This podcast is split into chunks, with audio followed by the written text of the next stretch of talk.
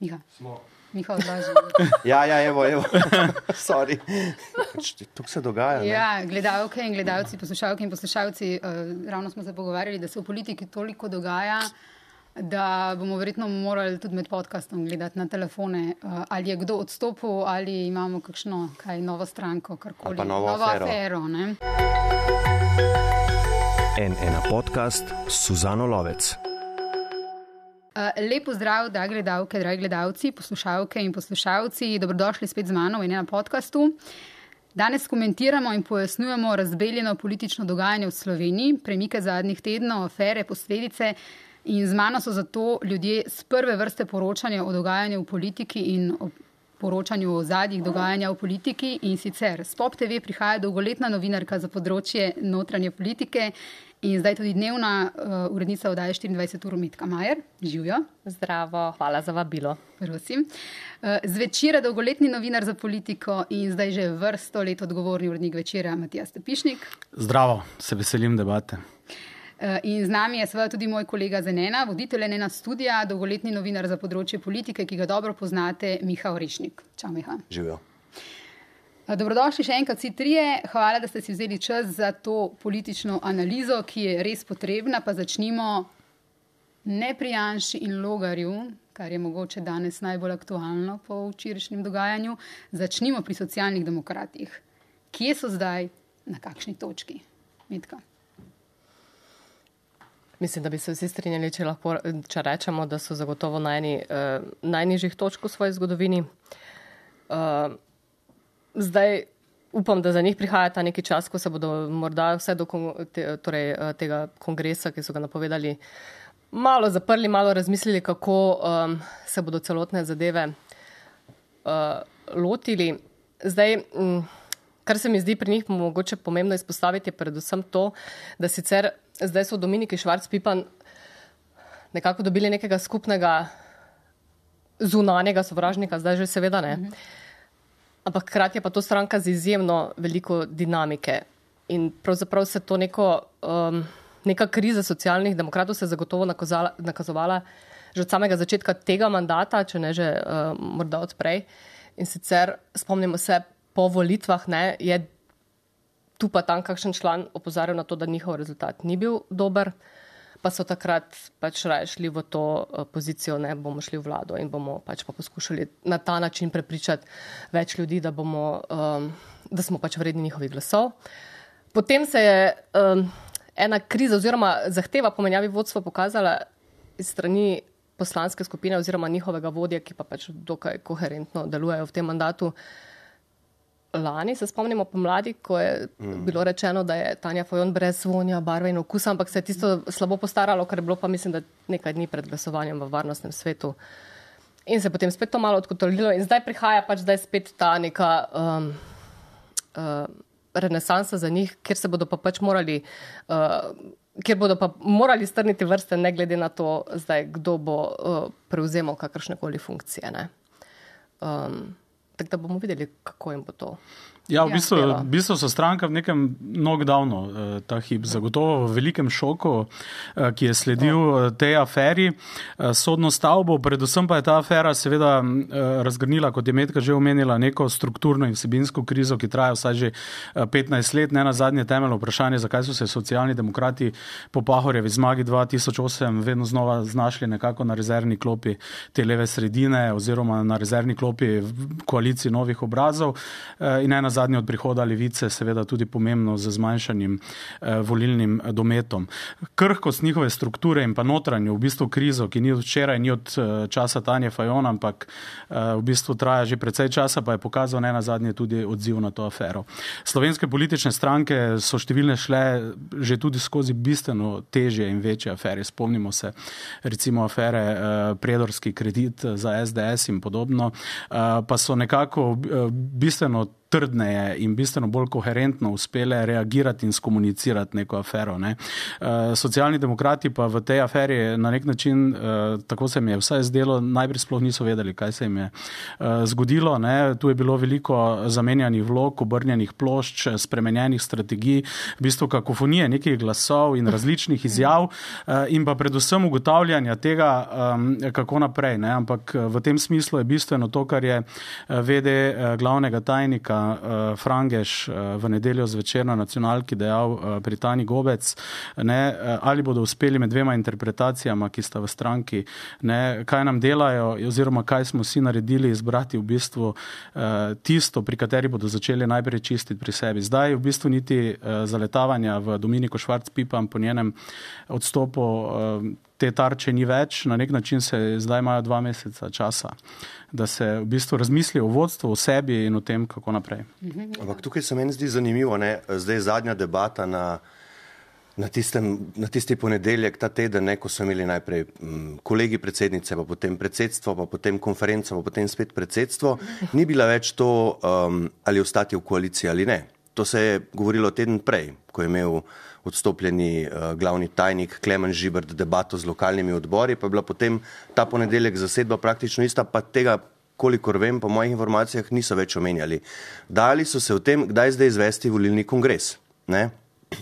Najprej je bila opcija konec marca, ko so itak imeli sklican uh, statutarni kongres, ampak so se potem nekako odločili, da bo to 13. april.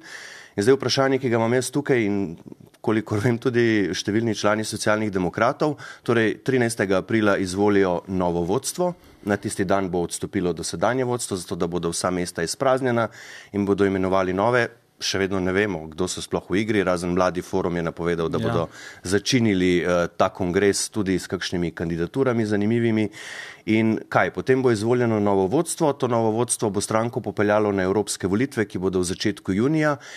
In glede na trenutno stanje socialnih demokratov se povsem lahko zgodi, da bodo na teh evropskih volitvah ostali brez evropskega poslanca.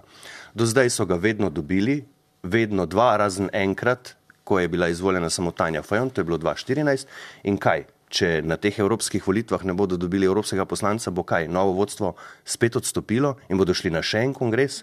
Skratka, socialni demokrati uh, uh, nimajo neke socialdemokratske ideje več, ki bi jih držala skupaj, o kateri bi se lahko uh, usedli, strinjali uh, ali se tudi v, v končni fazi uh, prepirali. In uh, mislim, da jih to čaka še uh, absolutno na tem kongresu, ki prihaja uh, aprila. No, kot je rekel um, za Radio Slovenija, politolog, politolog in raziskovalec na fakulteti za družbene vede uh, Marko Hočevar, uh, SD je stranka, ki ima enega od najmočnejših terenov, ima izjemno dolgo tradicijo v slovenski politiki in tudi zelo veliko interesov je še vedno vezanih na njo. Problem, ki ga ima, je širši problem evropske socialne demokracije v zadnjih desetletjih. Težava je, da se nikakor ne znajo vsebinsko umestiti kot resna alternativa obstoječemu stanju.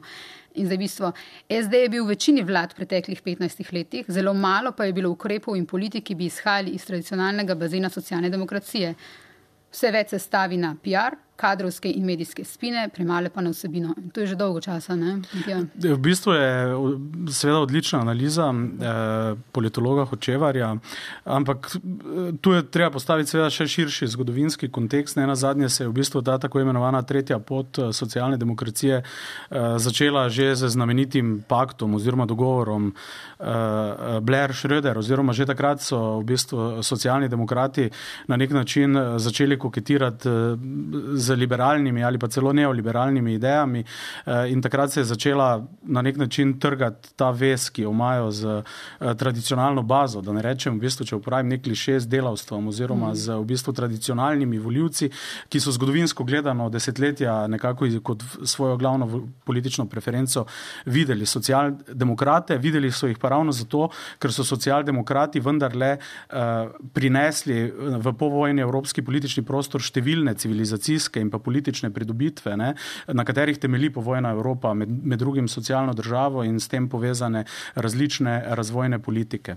Um, zdaj, na nek način je slovenska socialdemokracija seveda že z Borotom Pahorjem, če tudi zmagovitim leta 2008, ne, 15 let je bil na čelu stranke uh, in 11 let je potreboval do prve volilne zmage, seveda uh, začela veliko staviti uh, seveda na marketing, na PR, na politiko podob, uh, na nek način na liderja. Ne. Vedlo se je, da takrat Pahor in stranka nekako hodita vsak po svojem bregu, ampak Pahor je bil vseeno suveren lider, ki je na nek način svojo voljo uspel uveljaviti mm -hmm. v svoji stranki. Na to pa je sledila seveda obdobje veliko bolj šibkih voditeljev, ki jih je to močno interesno ozadje socialne demokracije, ki so v stranki pač videli vzvod za neke druge, tudi finančne interese, uspelo nekako upravljati. In tudi Tanja Fajon je na nek način v bistvu v tem obdobju seveda izgubljala zaveznike in danes se zdi, kot da je v bistvu vedno bolj sama na nek način. Zdaj zagotovo na tem kongresu vrste za njeno nasledstvo ne bo. Je pa dejstvo, da najvplivnejši član socialnih demokratov tudi v vladi in po javnomnenjskih lestvicah, Han, ne, je nekako do tega obdobja bil tisti, ki je postavljal te oziroma so postavljal te šibke predsednike in zdaj je vredno vprašanje, ali je vendarle čas ne, ki je bil nekako trasiran, da tudi on stopi v to prvo vrsto, ali pa bodo našli neko svežo figuro, je v stranki, ni v stranki, sploh koliko imajo nekih realnih izbir, ki bodo prebile ta. To podobo neke stranke, ki nima realnih socialdemokratskih politik, ampak je v bistvu samo to še neka politična fasada. Ja, za Hanna mnogi pravijo, da bi bil on v bistvu samo nadaljevanje v bistvu te politike socialnih demokratov, ki smo v bistvu gledali do zdaj in ki jih je tudi pripeljalo v bistvu takšno stanje. Sam, sam tudi ne želi, kolikor vem, absolutno ne želi uh, postati predsednik stranke. Seveda, zdaj pa vprašanje, koliko se bodo zdaj ostali člani poenotili okoli njega in ga v bistvu skupaj,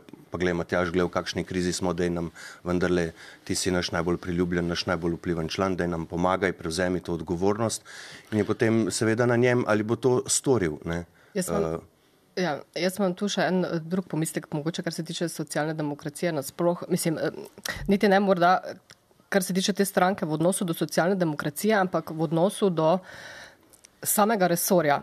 Zdaj, torej, pravosodno ministrstvo je zdaj prevzela sicer pač torej v bistvu izbira uh, Roberta Goloba, to je sicer bilo jasno. Ampak če zdaj vidimo, torej, da to, kar eh, stranka poskuša nekako skomunicirati, je, da je v bistvu hotela pomagati projektom lastne ministrice, ne, je mene morda v zadnjih uh, tednih premalo, morda poudarjamo to širšo sliko. Kar se tiče same vsebine, kar je mene presenetilo najprej pri tej zgodbi, še preden smo vedeli, kako velika afera je, je to, da se je pravosodno ministrstvo odločilo kupiti neko stavbo za upravno sodišče, pa delovno uh, in socialno in tako naprej. Medtem ko so lani pač prekinili več kot desetletje dolg projekt izgradnje nove sodne stavbe za okrajno okrožno in pa mislim, da više sodišče oziroma najbrž sodno upravo. Uh, in to je pa pač nekaj, na kar sodniki opozarjajo pač res že dolgo leta. Torej, prostorska stiska sodišče je ena od tistih stvari, s katero se, po mojem mnenju, pravosodni minister pač bi moral prioritetno, prioritetno ukvarjati. In če ne samo pravosodni minister, torej tudi stranka, torej tudi koalicija, torej tudi celotna vlada. In to, kar je mene presenetilo, je to, da predstojnik neke institucije ne ve sploh, da se za njega kupuje neka stavba. Torej, da gremo v neko povsem. Po pač razpršeno sliko tega, kar naj bi bila, uh, pač, kjer bi morali razvojno ravnati, nekako trajnostno si predvidevam tukaj uh, sodišče oziroma pač ministrstvo država, državljani dajemo uh, ogromno denarja za najeme prostorov, ki so razpršeni po Ljubljani. Novinari smo delali vrsto teh prispevkov in to, so, to je v bistvu prostorska stiska, vse ljubljanski sodišče, ena takih. Uh, pri katerih so bili sodniki že desetletje zelo glasni. Glede plač, recimo, niso bili, ne? Ne, so bili zelo sramežljivi do točke, ko je v bistvu to na agendo dal sam predsednik vlade, da se razume, tu na, še pred eh, odločbo ustavnega sodišča. Uh, in to je tisto, kar je mene začudilo pri celotni zgodbi. Aha, tako se zdaj tega lotevamo. Torej, za upravno sodišče, ki pač v bistvu ima lasniško stavbo, ker ni najema, kupujemo neko stavbo, ki pa ostala, pač, če ne drugega, pač Bežigradski dvor, tam je ena velika gradbena luknja na sredi Ljubljane. Mm -hmm. ta, ta, ta, ne, ta neko umankanje neke te širše slike vizije, tudi komuniciranja tega, no, je pač Pa tudi, nekaj, kar sem jaz eh, zelo pogrešala. No. Tudi premalo se govori o tem, o odgovornosti celotne vlade. V bistvu to je stvar, ki ne, ni stvar enega uradnika tam. Ne? In, in vse seje vlade, se upravičujem, sklicuje predsednik vlade, tudi dopisno sejo vlade, na kateri je bila ta odločitev potem najprej o uvrstitvi projekta med NRP in potem torej pre, preusmeritev denarja iz proračunske rezerve, 6 milijonov je ta, ta, ta denar bil, to je odločitev vlade. Da, ministrica je bila tista, ki je podpisala pogodbo, to je seveda nesporno.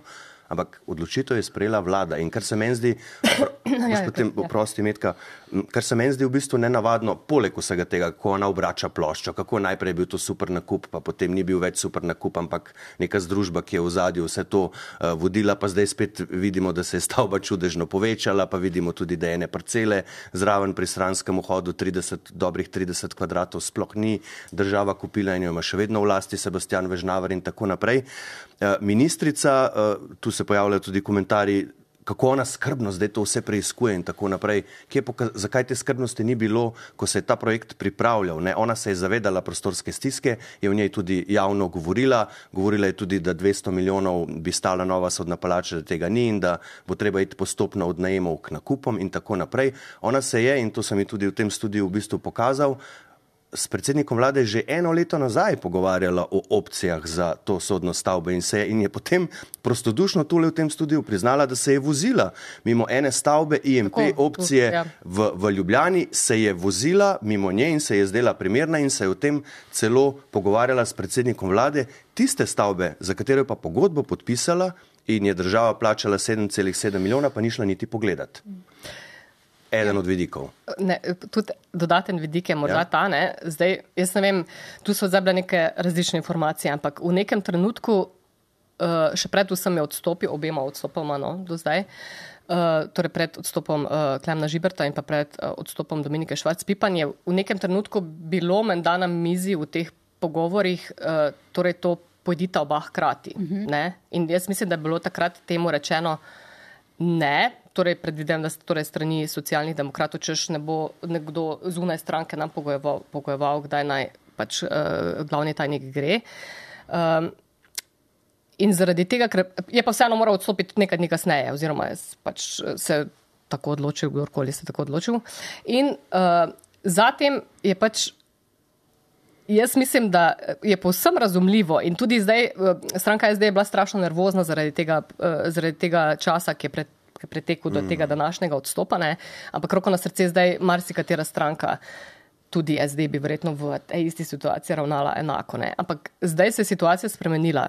Ravno s tem, ker se je začela, ker se ta zgodba pa zdaj že tako dolgo traja, da pa zdaj ne govorim več samo o tem, kaj je pravosodna ministrica podpisala, kaj je stranka naredila, ampak Zdaj se pojavlja tudi finančno ministrstvo, vloga finančnega ministrstva in če se ne motim, ne mojster tega je seveda prvak opozicije Janez Janša. Če sem prav prebrala v tem intervjuju, ki ga boste objavili v soboto, je pač rekel, ja, zakaj pa predsednik vlade ni vedel, kaj je v sedem milijonski pogodbi. Ne? In tu je zdaj pač ta moment, ko pa mogoče čas, da se ta, d- da je to mogoče tudi eden od razlogov, zakaj se je ta zgodba danes končala. No, ne. v bistvu bi se res na to navezal in kar je v bistvu bila Suzanina istočnica, ne, torej cel, celoten vladni okvir te zgodbe, to ni seveda eh, zgodba samo posamezne ministrice in nekega ministerstva, ne, ampak seveda tudi Roberta Goloba, mm. ne, na zadnje. Ne. Robert mm. Golob je eh, to mino vzel v svoje naročje in se nekako za nekaj časa veselo umaknil v senco te afere ne, in v stran od žarometov, ki so bili usmerjeni seveda na sodno stavbo in vse glavne akterje, ampak vendarle ne, z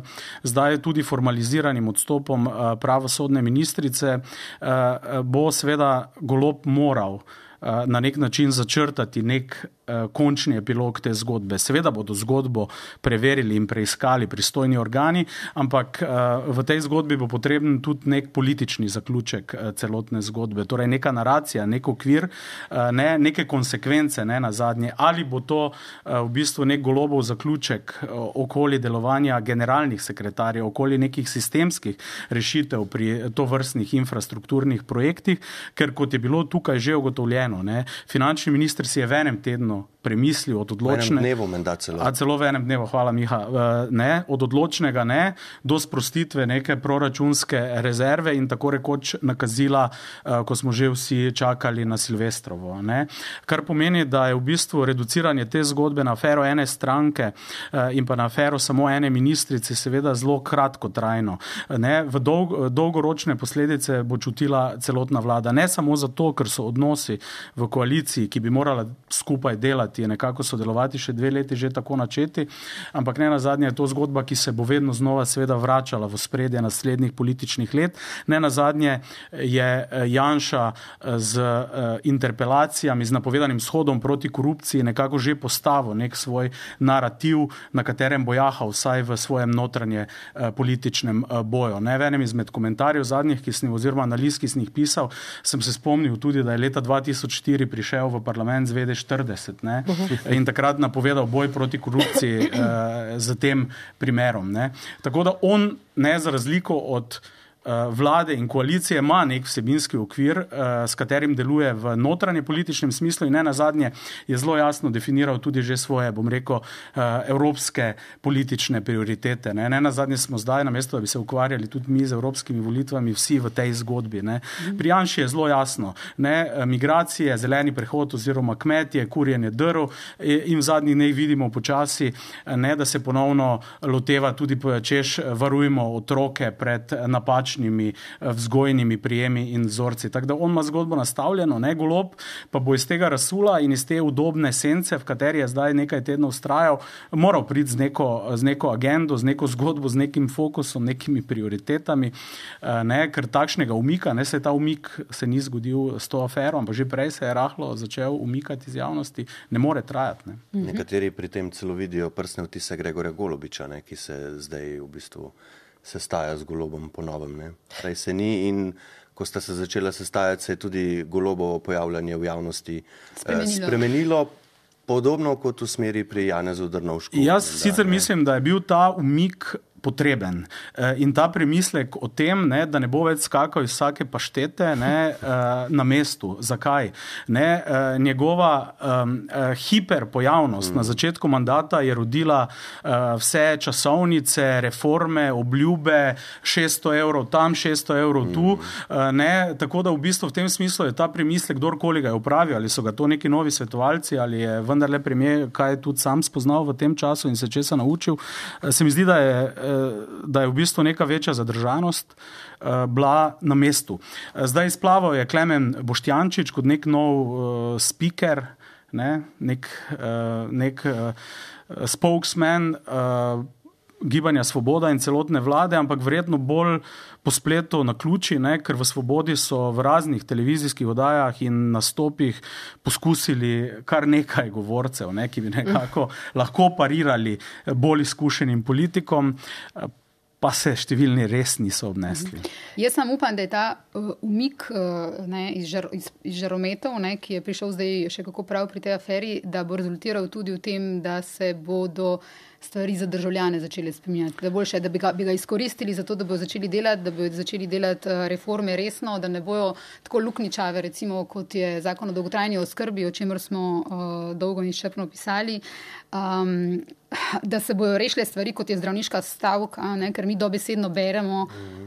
o tem, te, ta, ta teden, ne, uh, leta 2024, da, bi, da se bodo mogoče začeli zapirati uh, pediatrični oddelki in nekatere porodnišnice. Ampak zato, zato oprosti, rabiš tudi. Ne, Dobro, ja, ima gibanje Svoboda še vedno rekordnih 40 poslancev, ampak za to, za takšne stvari, velike stvari, ki jih ljudje pričakujejo, potrebuješ zaupanje med koalicijskimi partnerji, ki bodo skupaj morali ostati še dve leti.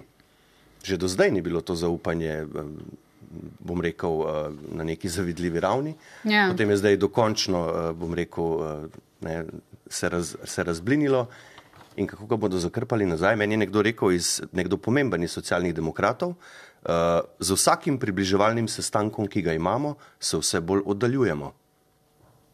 Eh, v koaliciji. Da. No, se ti si pa zapisal, ne, uh, Matija, uh, te dni, da obstanek v golobi vladi je za SD edina možnost, vse drugo praviš, bi bil samomor. Ne? Absolutno. Seveda. Ja. Jaz mislim, da drugih možnosti. Oni v bistvu imajo taki številne slabe možnosti, ampak izstop iz vlade bi bil najslabša mm -hmm. možnost. Uh, In to je bil tudi eden od teh trenutku. komunikacijskih ali PR-ovskih felerjev mm -hmm. v tem trenutku, ko je bilo pač izstop iz koalicije na podlagi, mislim, mm -hmm. Na podlagi česa zdaj v tem trenutku. Mm -hmm. Jaz bi se morda samo vrnila še zdaj na ta uh, spremembo komun komunikacijsko spremembo predsednika Ja. ja. vlade. Jaz nisem čisto prepričana, če bomo videli. No, razumem zdaj to spremembo, marsikdo je to svetoval, po vsem tem, kar je uh, bilo seveda izrečeno in se je slabo postaralo. Ampak jaz v osnovi nisem videla naj, največje težave v tem, da se je, uh, da je pač predsednik vlade skakal iz vsake paštete, ampak v tem, da so bile pač izrečene stvari, ki se potem niso zgodile. Mm. Torej, vsebina sama. Torej, a lahko govorimo o tem, lahko se reče na kako vprašanje, tega v tem trenutku ne vemo, tu še nismo usklajeni, bomo nekaj naredili, ampak ne vemo točno kaj. Ni torej, nič narobe. Ne? Hočem reči, uh, jaz sem imela ta, recimo, ta nek hecen občutek, je bil po vrhu koalicije, smo bila mi dva tam. Ne? Uh, po, Kateri zdaj? Tem, ta pr, uh, za, uh, Po novoletnem. po novoletnem, ki je bil po desetih mesecih prvi. Ne? Ko sploh Torej, nismo so vedeli, ali, bo, ali bodo SD-ovci prišli prišli, ali so ne. potem prišli dva fototermina, Da, ne, da, eden da, brez da. SD, potem z SD. Uh, no, po tem sestanku tudi predsednik vlade je prej odšel. No, mm. uh, so govorili, torej, ja, Boštjančič in uh, Mesec in Han. Ampak mi smo vprašali, torej, vi ste se pogovarjali o prioritetah za letošnje leto in kaj so te prioritete.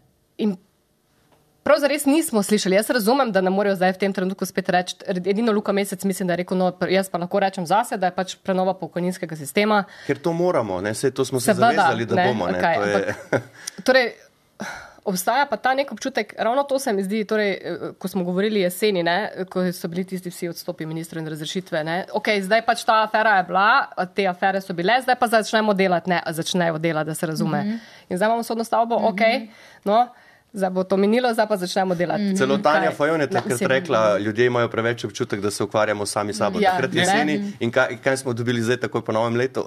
Vse, vse to sta odlično povzeli v bistvu. Ne? Ali bo torej, zdaj ponovno še enkrat več ta točka.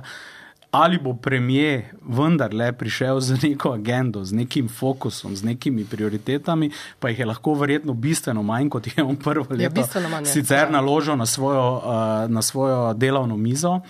Uh, ali pa bomo gledali pač ta uh, prosti tek, uh, zatečeno stanje, to praznino vsebinsko, o kateri si Suzana uh, ti govorila. In uh, ne, v, v redu, vse te stvari, uh, stavke, uh, tudi neprijetne premijeve, afere, zgodbe so zdaj seveda uh, zanj dobro nekoliko uh, zaplavale v zadje, ampak vsi problemi so ostali. Ne? Uh, in medtem ko opozicija, vsaj opozicijski lider, ima svoje zgodbe nastavljene, vlada nima nobene uh -huh. zgodbe, ne? nima nobenega, nobene smeri, nobenega kurza.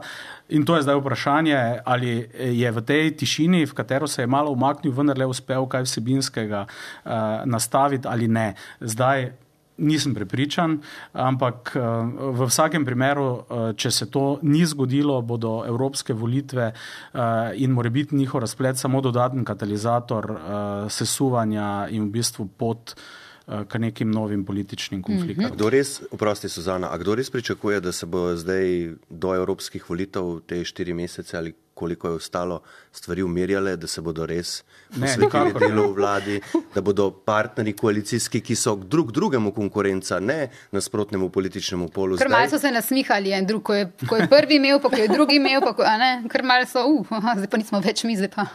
Ne, mislim, a, a bojo res zdaj Ja. ja. v teh štirih mesecih ja. uh, se pač ukvarjali z vlado in ne z rovarjanjem drug proti drugemu. Mm. Ne vem. Uh, jaz imam še eno vprašanje o Dominiki Švarc-Pipam, pa gremo potem na Levico, pa potem na Logarja in Janša. Um, kakšna je izpadla Dominika Švarc-Pipan? Okay, v javnomnenjskih merjanjih uh, medijana za delo se je povspela na peto mesto, še nikoli ni bila tako visoko, Fajon še nikoli tako nizko. Ampak kakšna je izpadla kot političarka? Razumem, priljubljena je. Kakšna je pa Mirka? Jaz jo vidim kot Tatjano Bobnar SD-ja. Pač to se je zdaj njim zgodilo, to, kar se je pač gibanju Svobodo dogajalo celo lansko leto. To zdaj se bo verjetno SD dogajalo celo letošnje leto, tako bi rekla. Zdaj je samo vprašanje, torej, kako bo ravna predsednik vlade, ker spet nek, neki indici so, da je Dominika Švarc-Pipan tudi po mm, nekaterih merenjih vendarle zdaj s to svojo pozicijo, čeprav je spremenjala svojo zgodbo. Čepr, tudi v enem trenutku je rekla, tisto sem, sem kar malo zastrigla, jaz doma sem gledala, no, kar je rekla, za mene je zgodba končana. Ja, zakaj to... še potem ostaješ na položaju? Ne, ne, ne, ne, ne, ne, ne, še, ne še prej, pač, ko je razčiščevala tako vsebinsko, še, ampak tako je rekla v nekem trenutku, ko je bilo, ne, ne bo še zgodba končana. No. Ampak javnost jo vendarle zdaj dojema kot nekoga, ki je pač kot češ neki žvižgač ne, in slišati je. Da se pač ta politični kapital ne zapravi kar tako, ne? torej da se lahko, da se bo gibanje Svoboda poskušalo nekaj s tem kapitalom narediti, ne? ampak se jaz potem vprašam, tukaj potem če bi Robert Golop vzame pod, na tak ali drug način, torej pod svoje okrilje, mm -hmm. potem on v bistvu to, kar je Nataša Pirc-Musar, ne njemu. Torej, ta krok se sklene ne, torej, in smo v teh neskončnih nekih igrah. Ampak na dvoru. Ja, Veš, na kaj se dvoru. meni se ste, cela zgodba zdi v bistvu fascinantna. Ne? Ko jo bomo gledali čez nekaj let, ali pa se bodo z njo ukvarjali ali raziskovalci ali pa študenti v kakšni diplomski na FDV-ju, bo zanimivo v bistvu ugotavljati, kako je Dominiki Švarc-Pipan v bistvu uspelo narediti takšen neverjetno obrat v javnem mnenju. Od krive, politično odgovorne, malomarne, negospodarne, do skesanke, žvižgačke eh, in tako rekoč v bistvu neke. Borke proti korupciji Borke- in čiščenju. SD-ja In vsega. V bistvu, v bistvu je to eh, mogoče celo več znanstvenih disciplin, bo lahko nekoč pogledalo, ker ta, to zgodbo je z. Bom rekel, z zelo uh, odločnimi, tudi čustveno, uh, zelo um, senzibilnimi nastopi, nekako uspela popolnoma preokviriti v lastno korist in v škodo njene dovčerajšnje uh, stranke. In to z pozicije podpisnice pogodbe. Ne? Še Eh, enkrat. Vse zato je toliko fascinanten ta okvir. In eden izmed um, članov SD-ja, s katerim sem se neformalno uh, pogovarjal te dni, mi je dejal, da če jih je kaj v zadnjem času ona tudi naučila, je to, kako je treba zgodbe komunicirati. Ne? In da jih je treba komunicirati, in da je treba v bistvu pač petkrat iti pred medije, petkrat neke stvari mogoče obrniti, drugače povedati, ker cel ta obrat je neverjeten v bistvu. Ne? In tudi ja, javnomnenjska podpora to kaže. Ne? Uh, na kakšni točki je pa druga uh, manjša koalicijska partnerica Levica po aferi Kordiš? Miha. Zdaj, levica je čisto druga zgodba kot recimo SD. Ne? SD je, če je kaj, je transparentna stranka. ne. O njih, o njih praktično znemo vse, vsak kolegi predsednice pride v javnost, Kot Desus njihov včasih, če smem sestanek, pripomniti. eh, ja, eh, vsak interni sestanek, vsak kolegi predsednice sve stranke, skratka vse pride ven in potem mi eh, člani SD-ja jamrajo po telefonu, kako vse pride ven in to jamrajo novinarju. ne. to mi je najbolj, mi je najbolj uh, v bistvu hecno. Ne. Levica je druga zgodba. Tam ne pride nič ven, še niti Zelo- najbolj zelo očitne struktura. stvari ne pridejo ven. Miha Kordiš, ne moramo reči, da je presenečenje. Ne moramo. On je že od samega začetka, odkar je, eh, so se oni, eh, bom rekel, združili eh, še 2014 eh, pod dežnikom Združene levice, je bil on tisti, ki je bil najbolj glasen, ki je bil najbolj radikalen, ki je najbolj, bom rekel, burkal interno in tudi zunanjo javnost.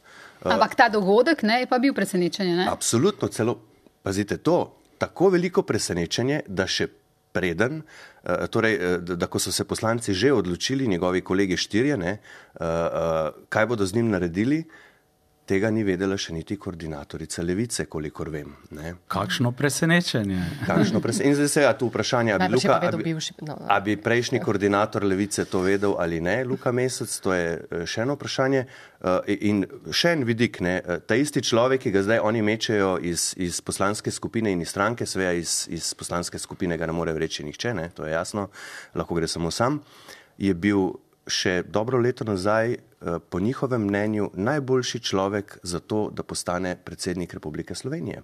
On je bil njihov kandidat na predsedniških volitvah. Kaj to torej vse pove o, o tej stranki in o razmerah v tej stranki? Pa ne samo to, on je dobil na uh, glasovanju, tem zelo demokratičnem, ki ga imajo v levici za svet stranke, dobil daleč največ, mislim, daleč največ, ampak največ Je, glasov. Njegov, njegovo levo krilo, ne? Tako, ampak jaz se sprašujem tukaj, jaz mislim, da to ravno zato m, eh, z tega vidika PR-ovskega, če ugotavljamo pač te um, luknje, ki jih imamo, eh, gibanje Svoboda in pa SD, ki jih imajo v, te, v teh nekih komunikacijskih strategijah, se mi pa vendarle zdi, da tu levici gre bolje. In jaz mislim, da ni slučaj, da se je to zgodilo zdaj v tem času, ker v bistvu bi se veliko več s tem ukvarjali, če pač se ne bi dogajalo še vse ostalo zraven. In Pa to je pa pač levica nekje tako, nikoli ni prišla do samega uh, vrha televizijskih oddaj, ne, zdaj v tem trenutku.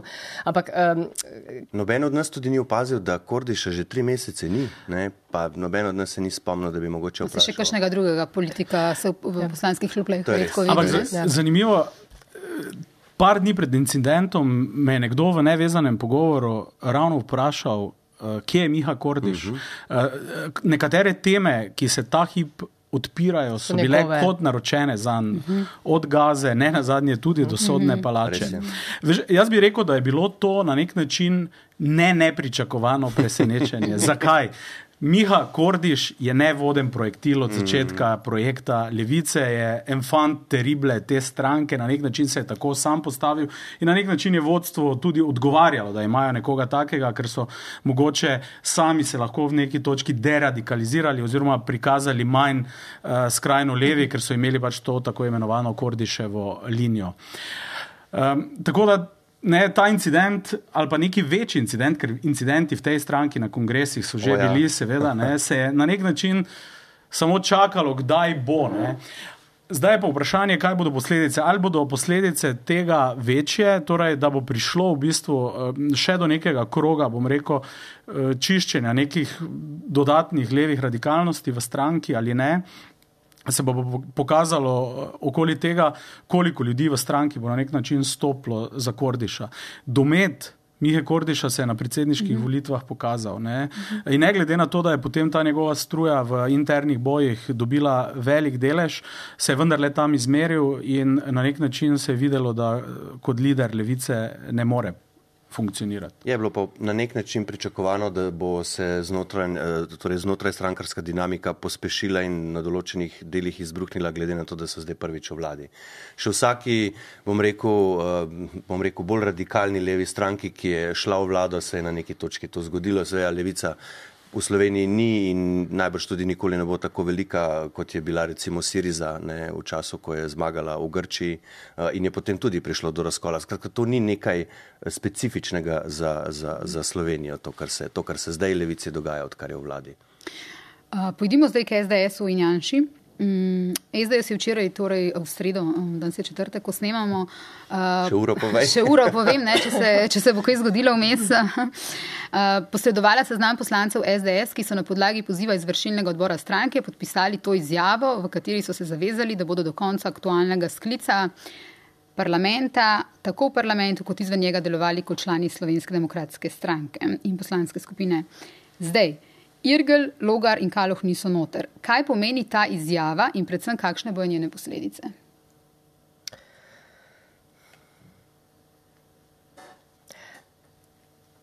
kakšne bodo posledice?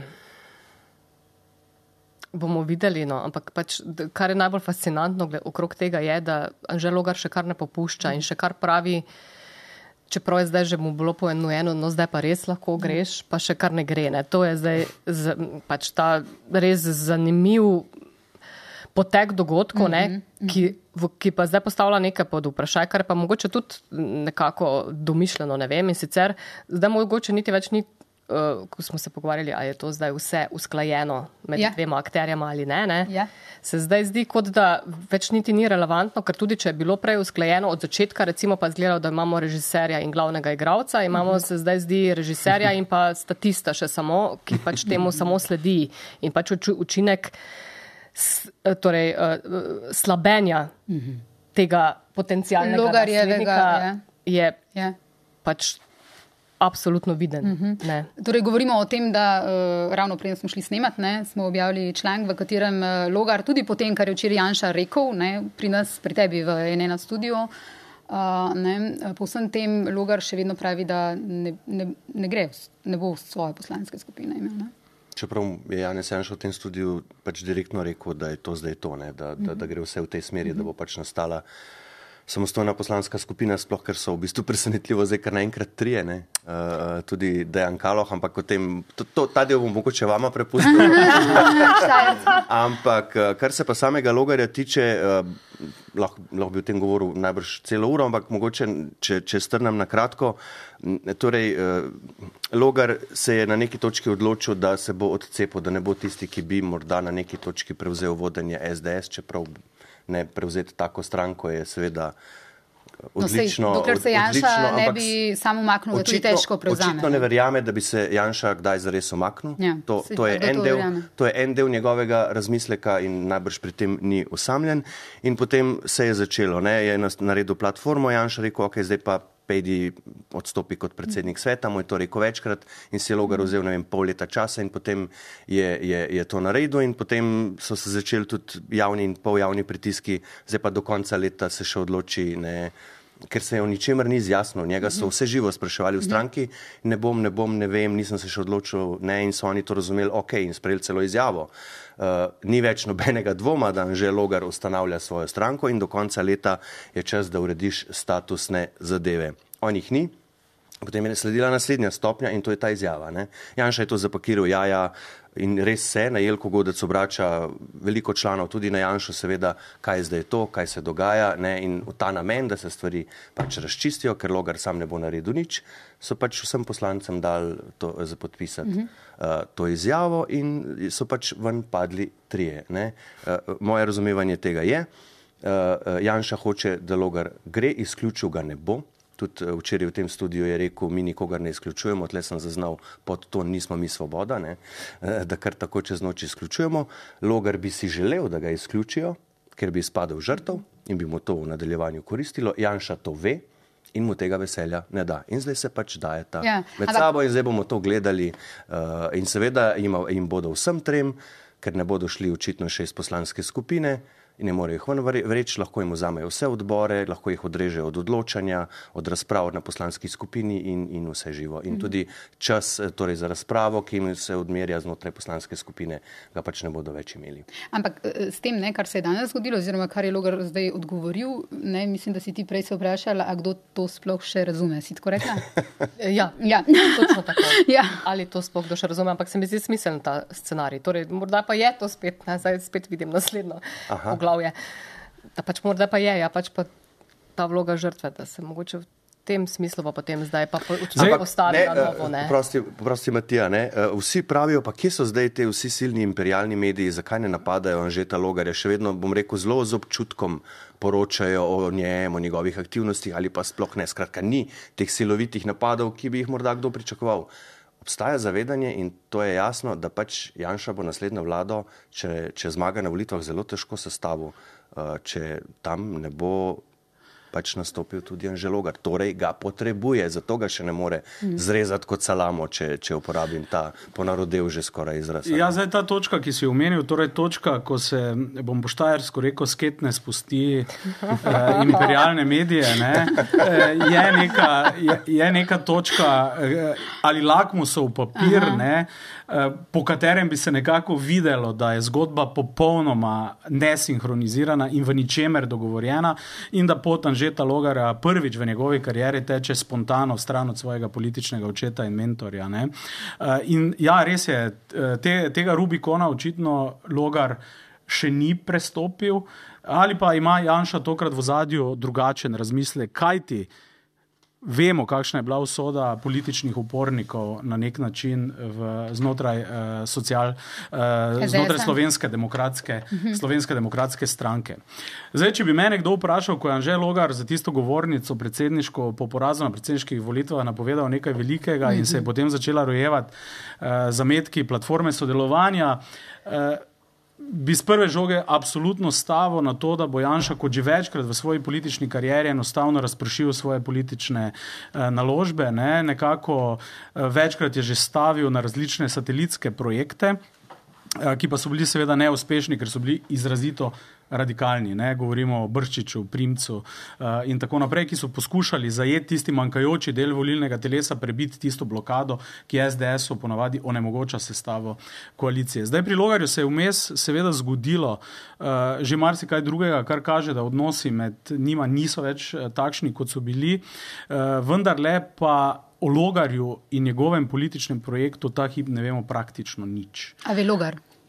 Mislim, da niti on pravi, točno ni. ne ve. To je, to je, Logar, Logar ta hip stavi enostavno na v bistvu preverjeno Pahorjevo v bistvu politično formulo. Mm -hmm. uh, manj, ko povem, in bolj odločno, ko se do česar koli opredelim, tem boljše za me in za rejtinge.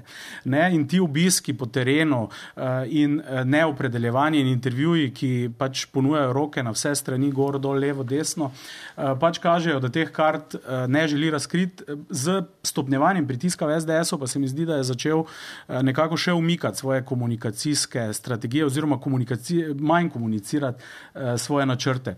Uh, ampak bistveno v tem projektu bo seveda, ali bo logar, ne, je enačaj SDS uspel v tem nekem času vendarle presekati. Ne, ker slovensko volilno telo uh, in člani Janševe stranke Logarja dojemajo kot njihovega in če bo Janša ukazal, da Logar ni več prava izbira, potem pomeni, da bo imel velike težave pri nabiranju volilnega telesa, uh, ker bistveno dlje od desne sredine bo pa seveda.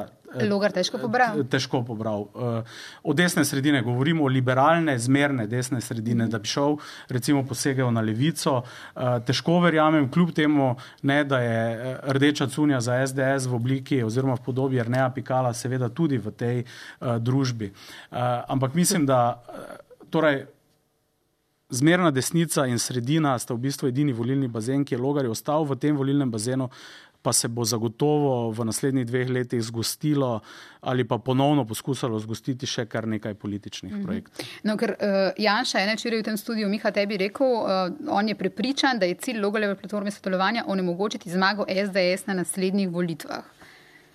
Ja, to je A rekel, je ne. res to Logarjev cilj po vaj, vašem mnenju? Ne. Jaz tega ne bi rekla. Jaz bi rekla, da, je, da bi šel tukaj v. Uh, da bi se temu pred, projektu pridruževal kot manjši partner. No.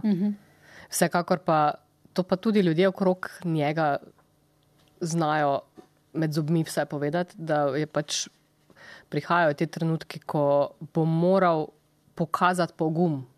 To besedo sem jaz slišala večkrat v zadnjih par mesecih, no? da pač mora izgledati, da voditelj, če to želi biti, ima pogum, uh -huh. politično neko. Hrbtenico. Ja, uh, Ampak a se je, oprosti Suzana, ne, tisto, kar sem prej omenil, a se je Janša v bistvu sam, če tako rečem, po domače zaklav, ko je pač dal to izjavo za poslancem podpisati, ker je zdaj neprečakovano ven padel Dejan Kaloh. Zdaj, kolikor poznamo Dejana, Dejana Kaloha, ne. Ja. Kolikor poznamo Dejana Kaloha, on, tako bom rekel, po načinu vodenja politik in tako naprej, po načinu komuniciranja in usmeritvi, absolutno ne sodi kanžetologarju in Evi Irgl. Um, kaj se je z njim zgodilo? Matija, kaj se je zgodilo? Ja. Kalohovo ime je tudi za me na nek način presenečenje. Kaloh je tudi še v zadnjih tednih in zelo nedavno nastopal v imenu SDS-a, komuniciral nekatere zelo pravosodne stvari in projekte stranke, kot je interpelacija. Tudi v Mariboru je nekako figurira kot uh, absolutno uh, vdan, lojalen in pa uh, pravoveren uh, vojak na nek način stranke, ki je v bistvu tudi neko politično socializacijo dal skozi, skozi stranko. Zdaj, v Mariboru so se stvari nekako prerasporedile znotraj SDS-a, prihod Franca Kanglerja seveda niso še zdaleč ne vsi pospremili z aplauzi in z ovacijami, ampak je bilo kar nekaj negodovanja in nezadovoljstva. In to nezadovoljstvo se zdaj vse čas kaže. Ne. Zdaj postaviti tezo, da je Kaloh užaljen zaradi Kanglerja ali pa zaradi nekaj ja. kritik, ki jih je nedavno slišal v Kamnici na enem izmed strankarskih srečanj, bi bilo poznavajoč karakter Kaloha, ne, ne na zadnje je on že šel skozi nekaj političnih porazov, tudi kar drzno. Ne. Tako da je v bistvu njegovo ime kar enigma na, te, na tej trojici osumljenih političnega prevrata ne, ali kakorkoli. No, ampak je pa včeraj, uh, prosim, jaz sem, jaz sem še. Ne, izvoli. Aha, no, uh, to, kar še nismo čisto do konca razčistili. Zdaj, če je pač ta scenarij, da se on priključil temu zaradi števila, torej da so trije, da lahko ustanovijo poslansko skupino, se tukaj zelo zanimivo drugače bere poslovnik državnega zbora. Ste šli to včeraj gledati? Sem, sem, smo, sem ugotavljal zvečer. Torej, poslovnik državnega zbora pravi, da imaš ti lahko samo eno poslansko skupino nepovezanih poslancev. Ampak imaš pa tudi možnost, če pride do razpada oziroma razdelitve ene poslanske skupine, v tem primeru SDS, na dve politični stranki. Torej, ena je SDS in, eno je, in eno je nova politična stranka, platforma sodelovanja ali karkoli to že je. In v tem primeru Torej, ampak v tem primeru morajo biti iz iste poslanske skupine vsi. Mislim, da je bil takšen primer za res. Tako, ja, tako je, to imamo v spominu. Ja. Da, in torej v tem primeru, ne, ker menda se je mojca še tic pa še ko strašila, da zdaj pa ona ne, ne bo mogla bi bilo, ne, delati svoje. To je bil zanimiv, ne, ker so, da so ker eh, piše, dikcija je v tem členu, torej, da, pra, da imajo pravico ostali nepovezani poslanci se priključiti tej ustanovljeni skupini uh, nepovezanih poslancev. Ne bi bila zelo zanimiva druščina, ne? ti tri SDS-ovi poslanci plus. Pa še potencijalno kordiš. Pa, še ja, ja. To bi bila semaforska koalicija. to bi ta, ne? Ampak to je ta da, uh, maurična koalicija, tako, tako, širina in ta Tega filma ne bomo sodelovanje. Ja, tudi če poslušamo, kaj je Lugar danes rekel, torej on pač ne, namena. Bo, ne, on bo ostal v poslanski skupini, pravi. Ja. Očitno gre za neki power play zdaj, mm kaj ja, ja. med njima. Koga, ne? Ne? Mm -hmm. uh, Luka Lisija Gabrielčič na Twitterju pravi um, logarju s tem, da se pusti dobesedno pehati v izjavljanje o svojih namenih, izgublja vso verodostojnost in zapravlja moment. Ne? To je ta um, kapital, o katerem smo govorili ja. po predsedniških volitvah. Ne? Oziroma, pravi Luka Lisija Gabrielčič, ga je že davno zapravil, kljub temu. Če se bo primadona vendarle opogumila in dala karte na mizo, bo po mojem še vedno dovolj ljudi, ki bi bili pripravljeni voliti za njegovo stranko. Ne vem pa, ali bo v njem še kdo videl liderja. Se strinjate? Ja, jaz sem z Luko Lisekom uh, včeraj govorila, uh -huh. mhm. enako um, zelo podobno povedal. Kar pa je se meni zdelo še tudi posebej zanimivo, je, da vse to, vse vsta del drži, ne, ampak hkrati pa je on še vendarle. vendarle uh, pač nekako rekel, da, bi, pač pa, da ga SDS še vedno vidi kot nekega potencialnega partnerja in da bi lahko to tako vzel, zaradi tega, ker če, če ga ne bi, uh mhm. -huh. potem bi bila ta kampanja torej, proti njemu veliko bolj ostra, kot je uh -huh. uh, vendarle zdaj. Uh -huh. um, tako da ja, seveda. Um, Krat je tudi rekel, da pač bo prišel uh, trenutek, ko bo pač seveda, če se bo politično želel aktivirati, pač moral začeti govoriti, da zdaj ima čisti, kar se tiče lestvic priljubljenosti, čisti efekt ne pojavljanja. Ne? Uh mhm. -huh. In da je Janez Drnovšek rekel, da tisti, ki um, uh, ne, pač ne dela. Ne, ne, Se ne moti, ne. Tudi pač, napak ne dela. Tako, tako, jaz, jaz bi se kar strinjal uh, z Luko Lisjakom Gabrielčičem, radi ga poslušamo in beremo uh -huh. res odlično v besedi svoje, svoje misli. Uh -huh. uh, o, o, o tem vprašanju momentuma, ne, o vprašanju uh, unovčenja političnega kapitala. To vprašanje se pri Logarju od predsedniških volitev dalje, dalje pojavlja in se nekako ni razrešilo. Uh, zdaj, kar je, kar, kar je bistveno vprašanje, uh, pa je, kdaj. Torej, bo in je tisti trenutek, ravno za voljo, verjetno, ker se zaveda, kaj sledi, ne, ko bo vendarle predstavil svoj, torej tudi politični, ne samo nek uh, društveni uh, projekt. Zdaj, nekateri pravijo, da bo skrival karte do zadnjega, ne, torej na evropske volitve ne gre, da bo v bistvu čakal preventivno do tega, ko se bo nekako izkristaliziralo, ali bomo v Sloveniji šli na redne ali na še kakšne naslednje predčasne volitve. Uh, ampak mislim, da uh, ta balon počasi pušča. Uh, balon, ki nima vsebine v slovenskem političnem prostoru, izgublja v bistvu tudi ljudje, ki ta balon vidijo in ga gledajo. Pa še ena težava je, ki jo jaz tukaj vidim je, torej, da če bi on šel v ta projekt, uh, torej samostojno in pač z, z neko, seveda, idejo, ne, v tem času pač seveda ti rabiš ljudi za ta projekt, ne, okrog teren. sebe, teren. Ne, in se mi zdi, da ravno s, s tem, kar se pusti pozicionirati, isto kot je rekel uh, Luka Lisjak, pač izgublja privlačnost, ki bi lahko potencialno pač se komu zdela, da okay, to pa je res uh mhm. -huh. to. Uh -huh. um, o momentu, ne, uh, mislim, da je bilo oktobra po tistih aferah uh, v vladi, ko je res en, en teden pokalo na, na vse možne načine, um, je bila tukaj med drugim, uh, med drugimi sogovorni. Sogovorniki tudi um, Alja Brgles. Uh, in ona je takrat tukaj v enem podkastu razlagala, Uh, torej, na zelo konkretno vprašanje, ali bi Logarju svetovala naj pohiti zdaj stranko, je med drugim odgovorila, da zdaj verjetno je čas, da je treba o tem uh -huh. začeti razmišljati. Ne? Pomembne so se izdele evropske volitve, ki bodo prihodnje leto. Citat, ni več dve leti časa za lagodne, počasne razmisleke. Zdaj, to je šlo mimo. Ne? Pa se jaz mislim, da on absolutno razmišlja o tem, da ima stvari izdelane, ampak on, kot kaže, pač hoče iti uh, korak za korakom in pač tudi ne bo tudi zaradi nekega vtisa dovolj Jana Zojanši, da mu diktira, diktira mm -hmm. tempo. Ne. Je pa res, da ob enem izpada neodločen. Uh, torej, da, da ni odločen, torej se strinjam z Luko. Torej, do, do zdaj mu tega niso zamerili, ne voljivci. Do zdaj, do zdaj ne. Uh, kolikor vem, tudi Janez Janša misli, da bi on moral iti čim prej ven, ravno zato, ker pač tako misli Janša, uh, da pač ljudje v Sloveniji skočijo na prvi novi obraz, ki se pojavi. Je pa, res, je pa res, da ta novi obraz tokrat ni na levi. Novi obraz pod narekovaj, seveda, že no, logar ni novi obraz, ampak eh, da se nov ga projekt. Pač, nov projekt pa, mm -hmm. nov politični projekt pa, in, ampak ta nov politični projekt ni na levi. Tako da jaz ne bi zdaj to me, rekel, da upal si trditi, da je enako z novimi obrazi na desni ali levi. No, ampak je pa še vedno velik bazen te sredine. Ne, uh, si rekel, da mogoče tu uh, ja, ja. zmerni ta pol, zmernejši pol desnice, seveda, ampak hkrati pa pač ta ja, sredinski. Ne. Zdaj, za neko malo ljudi, ki so pozicionirani malo levo od centra, bi si težko predstavljal, da bo Anžel Logar za njih izbira ravno zato, ker je bil v bistvu vse čas nek politik SDS-a.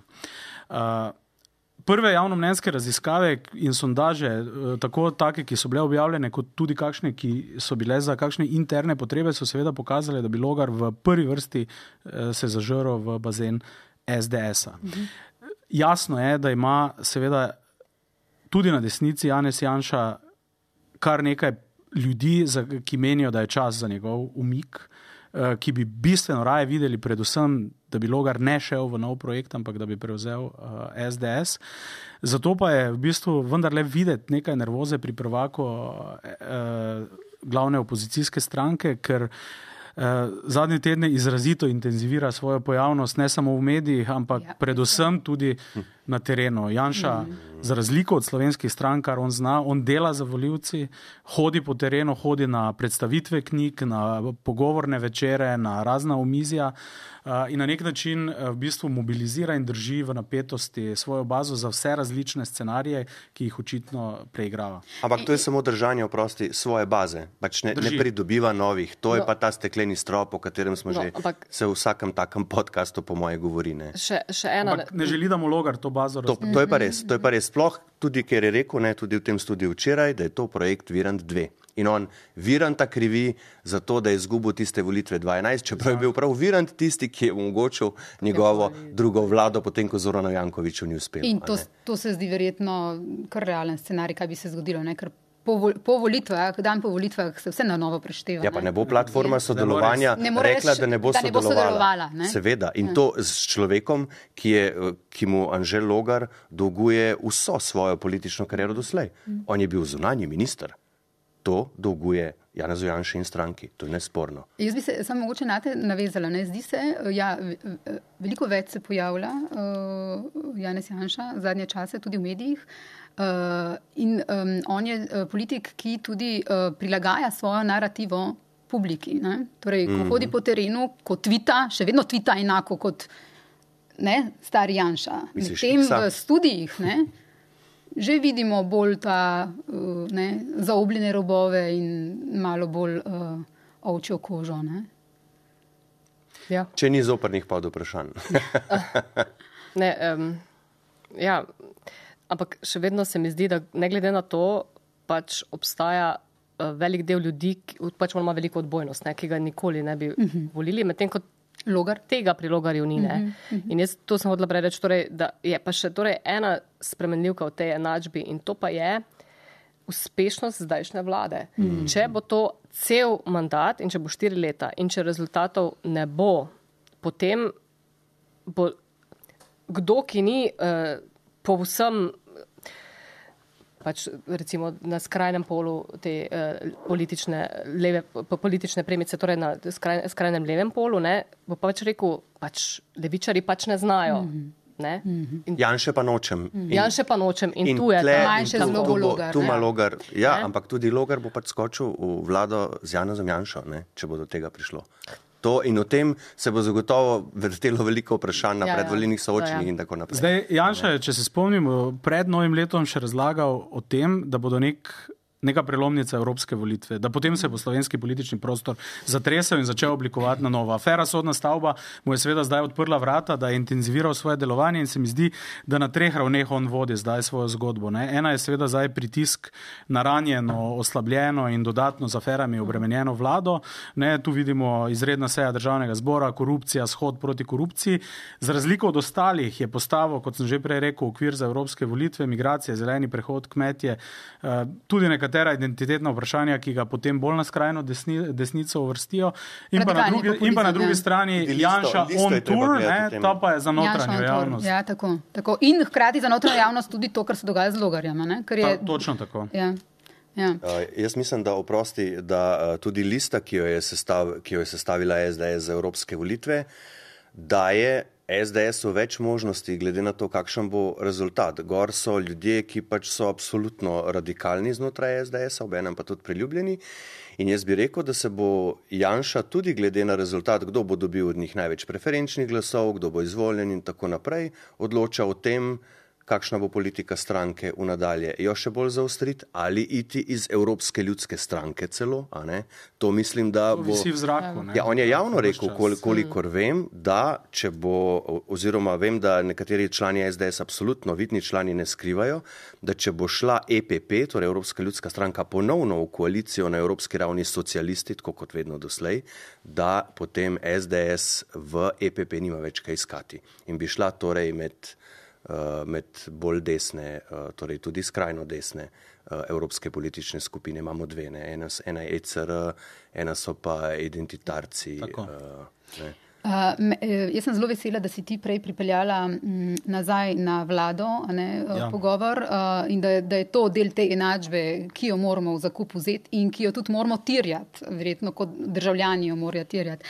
Kaj je za zaključek, za finiš tega? Um, hvala za debato, res je bila dobra, vsi ste odlično uh, povzemali svoje misli, ampak za zaključek, kaj bi odgovoren predsednik vlade moral v naslednjem letu narediti? Vemo, kakšno uh, ne, koalicijo ima, vemo, kakšno rekordno število poslancev ima, kaj država terja od odgovornega politika v tem trenutku. Jaz mislim, da uh, reforma plačnega sistema v javnem sektorju in širšo prenovo javnega sektorja. Jaz mislim, da, se, da je tukaj ključ do tega, ali država ostane ali pade. Uh mhm. -huh. tu, to, kar se zdaj dogaja, vali stavke in vse to. Moramo vedeti, da to, kar ne povdarjamo, je, da v tem trenutku imajo stavkovni sporazum, mislim, da s štirimi razredi več podpisan tudi učitelji, ki ne stavkajo, ki so dali priložnost pač tej vladi, dajmo se do septembra zmeniti. Ob vsem kadrovskem manjku uh, in ob vseh seveda, uh, in seveda nizki uh, uh, brezposelnosti, ki seveda pač uh, omogoča izbiranje uh, tako poklicov kot delovnih mest, mislim, da je to ključno za obstoj države. Če tukaj in seveda, da ne govorimo seveda o zdravniki, to seveda sodi v, v vse v ta paket. Če ne bodo tukaj našli pametne rešitve, potem mislim, da bo država. Ne vem, če bojo potem uspeli priti do konca mandata, to pa res mislim, da ne. To Miha, je moje mnenje. Odgovornost vlade. To, kar je rekla Metka, absolutno podpišem. Ne, tudi uh, javni sektor uh, ne, ne bi bilo nobeno presenečenje, če bi šel v naslednjih mesecih na ulice. To je težko zaustaviti potem ta val, ko se enkrat sproži. To je eno. Uh, drugo pa, kar se mi zdi najbolj pomembno, mora, kako, bi ravnal, kako bi moral ravnati odgovoren, odgovoren politik. Postaviti interese države in vlade pred interese lastne stranke. Mhm. To. Mhm. Zelo dobro povedano.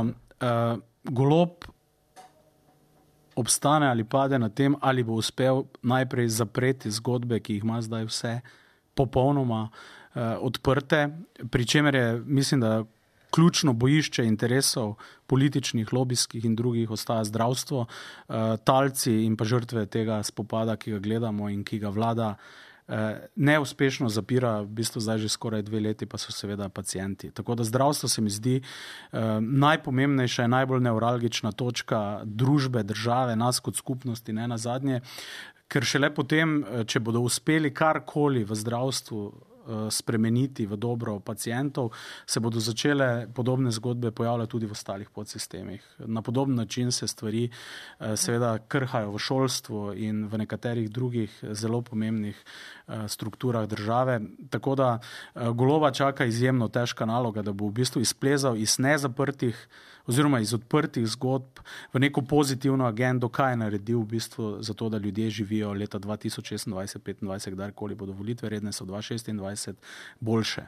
Te, tega okvirja, tega ključnega mesiča mu do zdaj absolutno ni uspelo ne izpolniti, kaj šele v bistvu na nek način oblikovati neko sporočilo, da bodo ljudje v bistvu mogoče s tej oblasti ponovno verjeli. Časa ni več veliko, samo še to, časa ni več veliko. Zdaj so štiri mesece evropskih ja. volitev, potem se bodo po evropskih Tako. volitvah v koaliciji dajali med sabo za evropskega komisarja, ja, še vedno, še, to smo pozabili, še vedno doslej so vse, ker doslej je vedno evropskega komisarja, kolikor vem, imenovala leva vlada in tudi tokrat se bodo absolutno dajali med sabo, predvsem pač spet SD in uh, uh, uh, pač so svoboda, čeprav je zdaj, bomo videli, kakšen bo rezultat na teh evropskih volitvah, a ne mogoče niti ne bodo imeli nekega pogajalskega izhodišča. In potem je že konec leta in potem smo v zadnjem letu pred eh, rednimi volitvami, če bodo redne. To zadevno, to zadevno ima golo v bistvu enega jokerja v rokavu. Ne? Da nekomu, ki se bo javil za nosilca njegove liste, obljubi, in če bo pripeljal do dobrega rezultata, komisarsko mesto, in na ta način mogoče dobi kakšno boljšo izbiro, kot se mu ta hip ponuja in nakazuje. Ja, zdaj Urško Klakočar Zupančič na polno, celo javno že nagovarjajo, ne, eh, seveda zdaj tle sta dva vidika, mogoče eni si seveda morda želijo, da bi šla v Brusel, da ne bi pač tukaj delala problem, zdaj spet lahko govori, ne, eh, nekako se zdi, da je v stranki spet dovolijo govoriti, ker ko je bila takrat tista no, drama. Govori samo lepe stvari o golobu. No, sej, ja. sej, zato pa Res. lahko govori po moje, a ne bi jaz rekel, eh, ja. verjetno so še druge stvari tle zraven, ampak ja, ona pa pač tej trenutni situaciji še ni uh, prepričana, ali bi šla ali ne. Skratka, ona je zdaj, bom rekel, eden od njihovih adutov. Ali bo to res tudi Dominika Švarc-Pipan, kot se, bom rekel, že več tednov ugiba tu pa bi se jaz še živi bili in videli. Tako je, tu bi se pa pustil presenetiti. Okay. Še enkrat hvala lepa vsem tem, da ste prišli. Jaz mislim, da moramo v tej sestavi še kdaj se sestati. Z veseljem. Veš, kako smo usklajeni. Eh, hvala tudi gledalkam in gledalcem, poslušalcem, eh, poslušalkam. Kmalo, res kmalo se spet vidimo.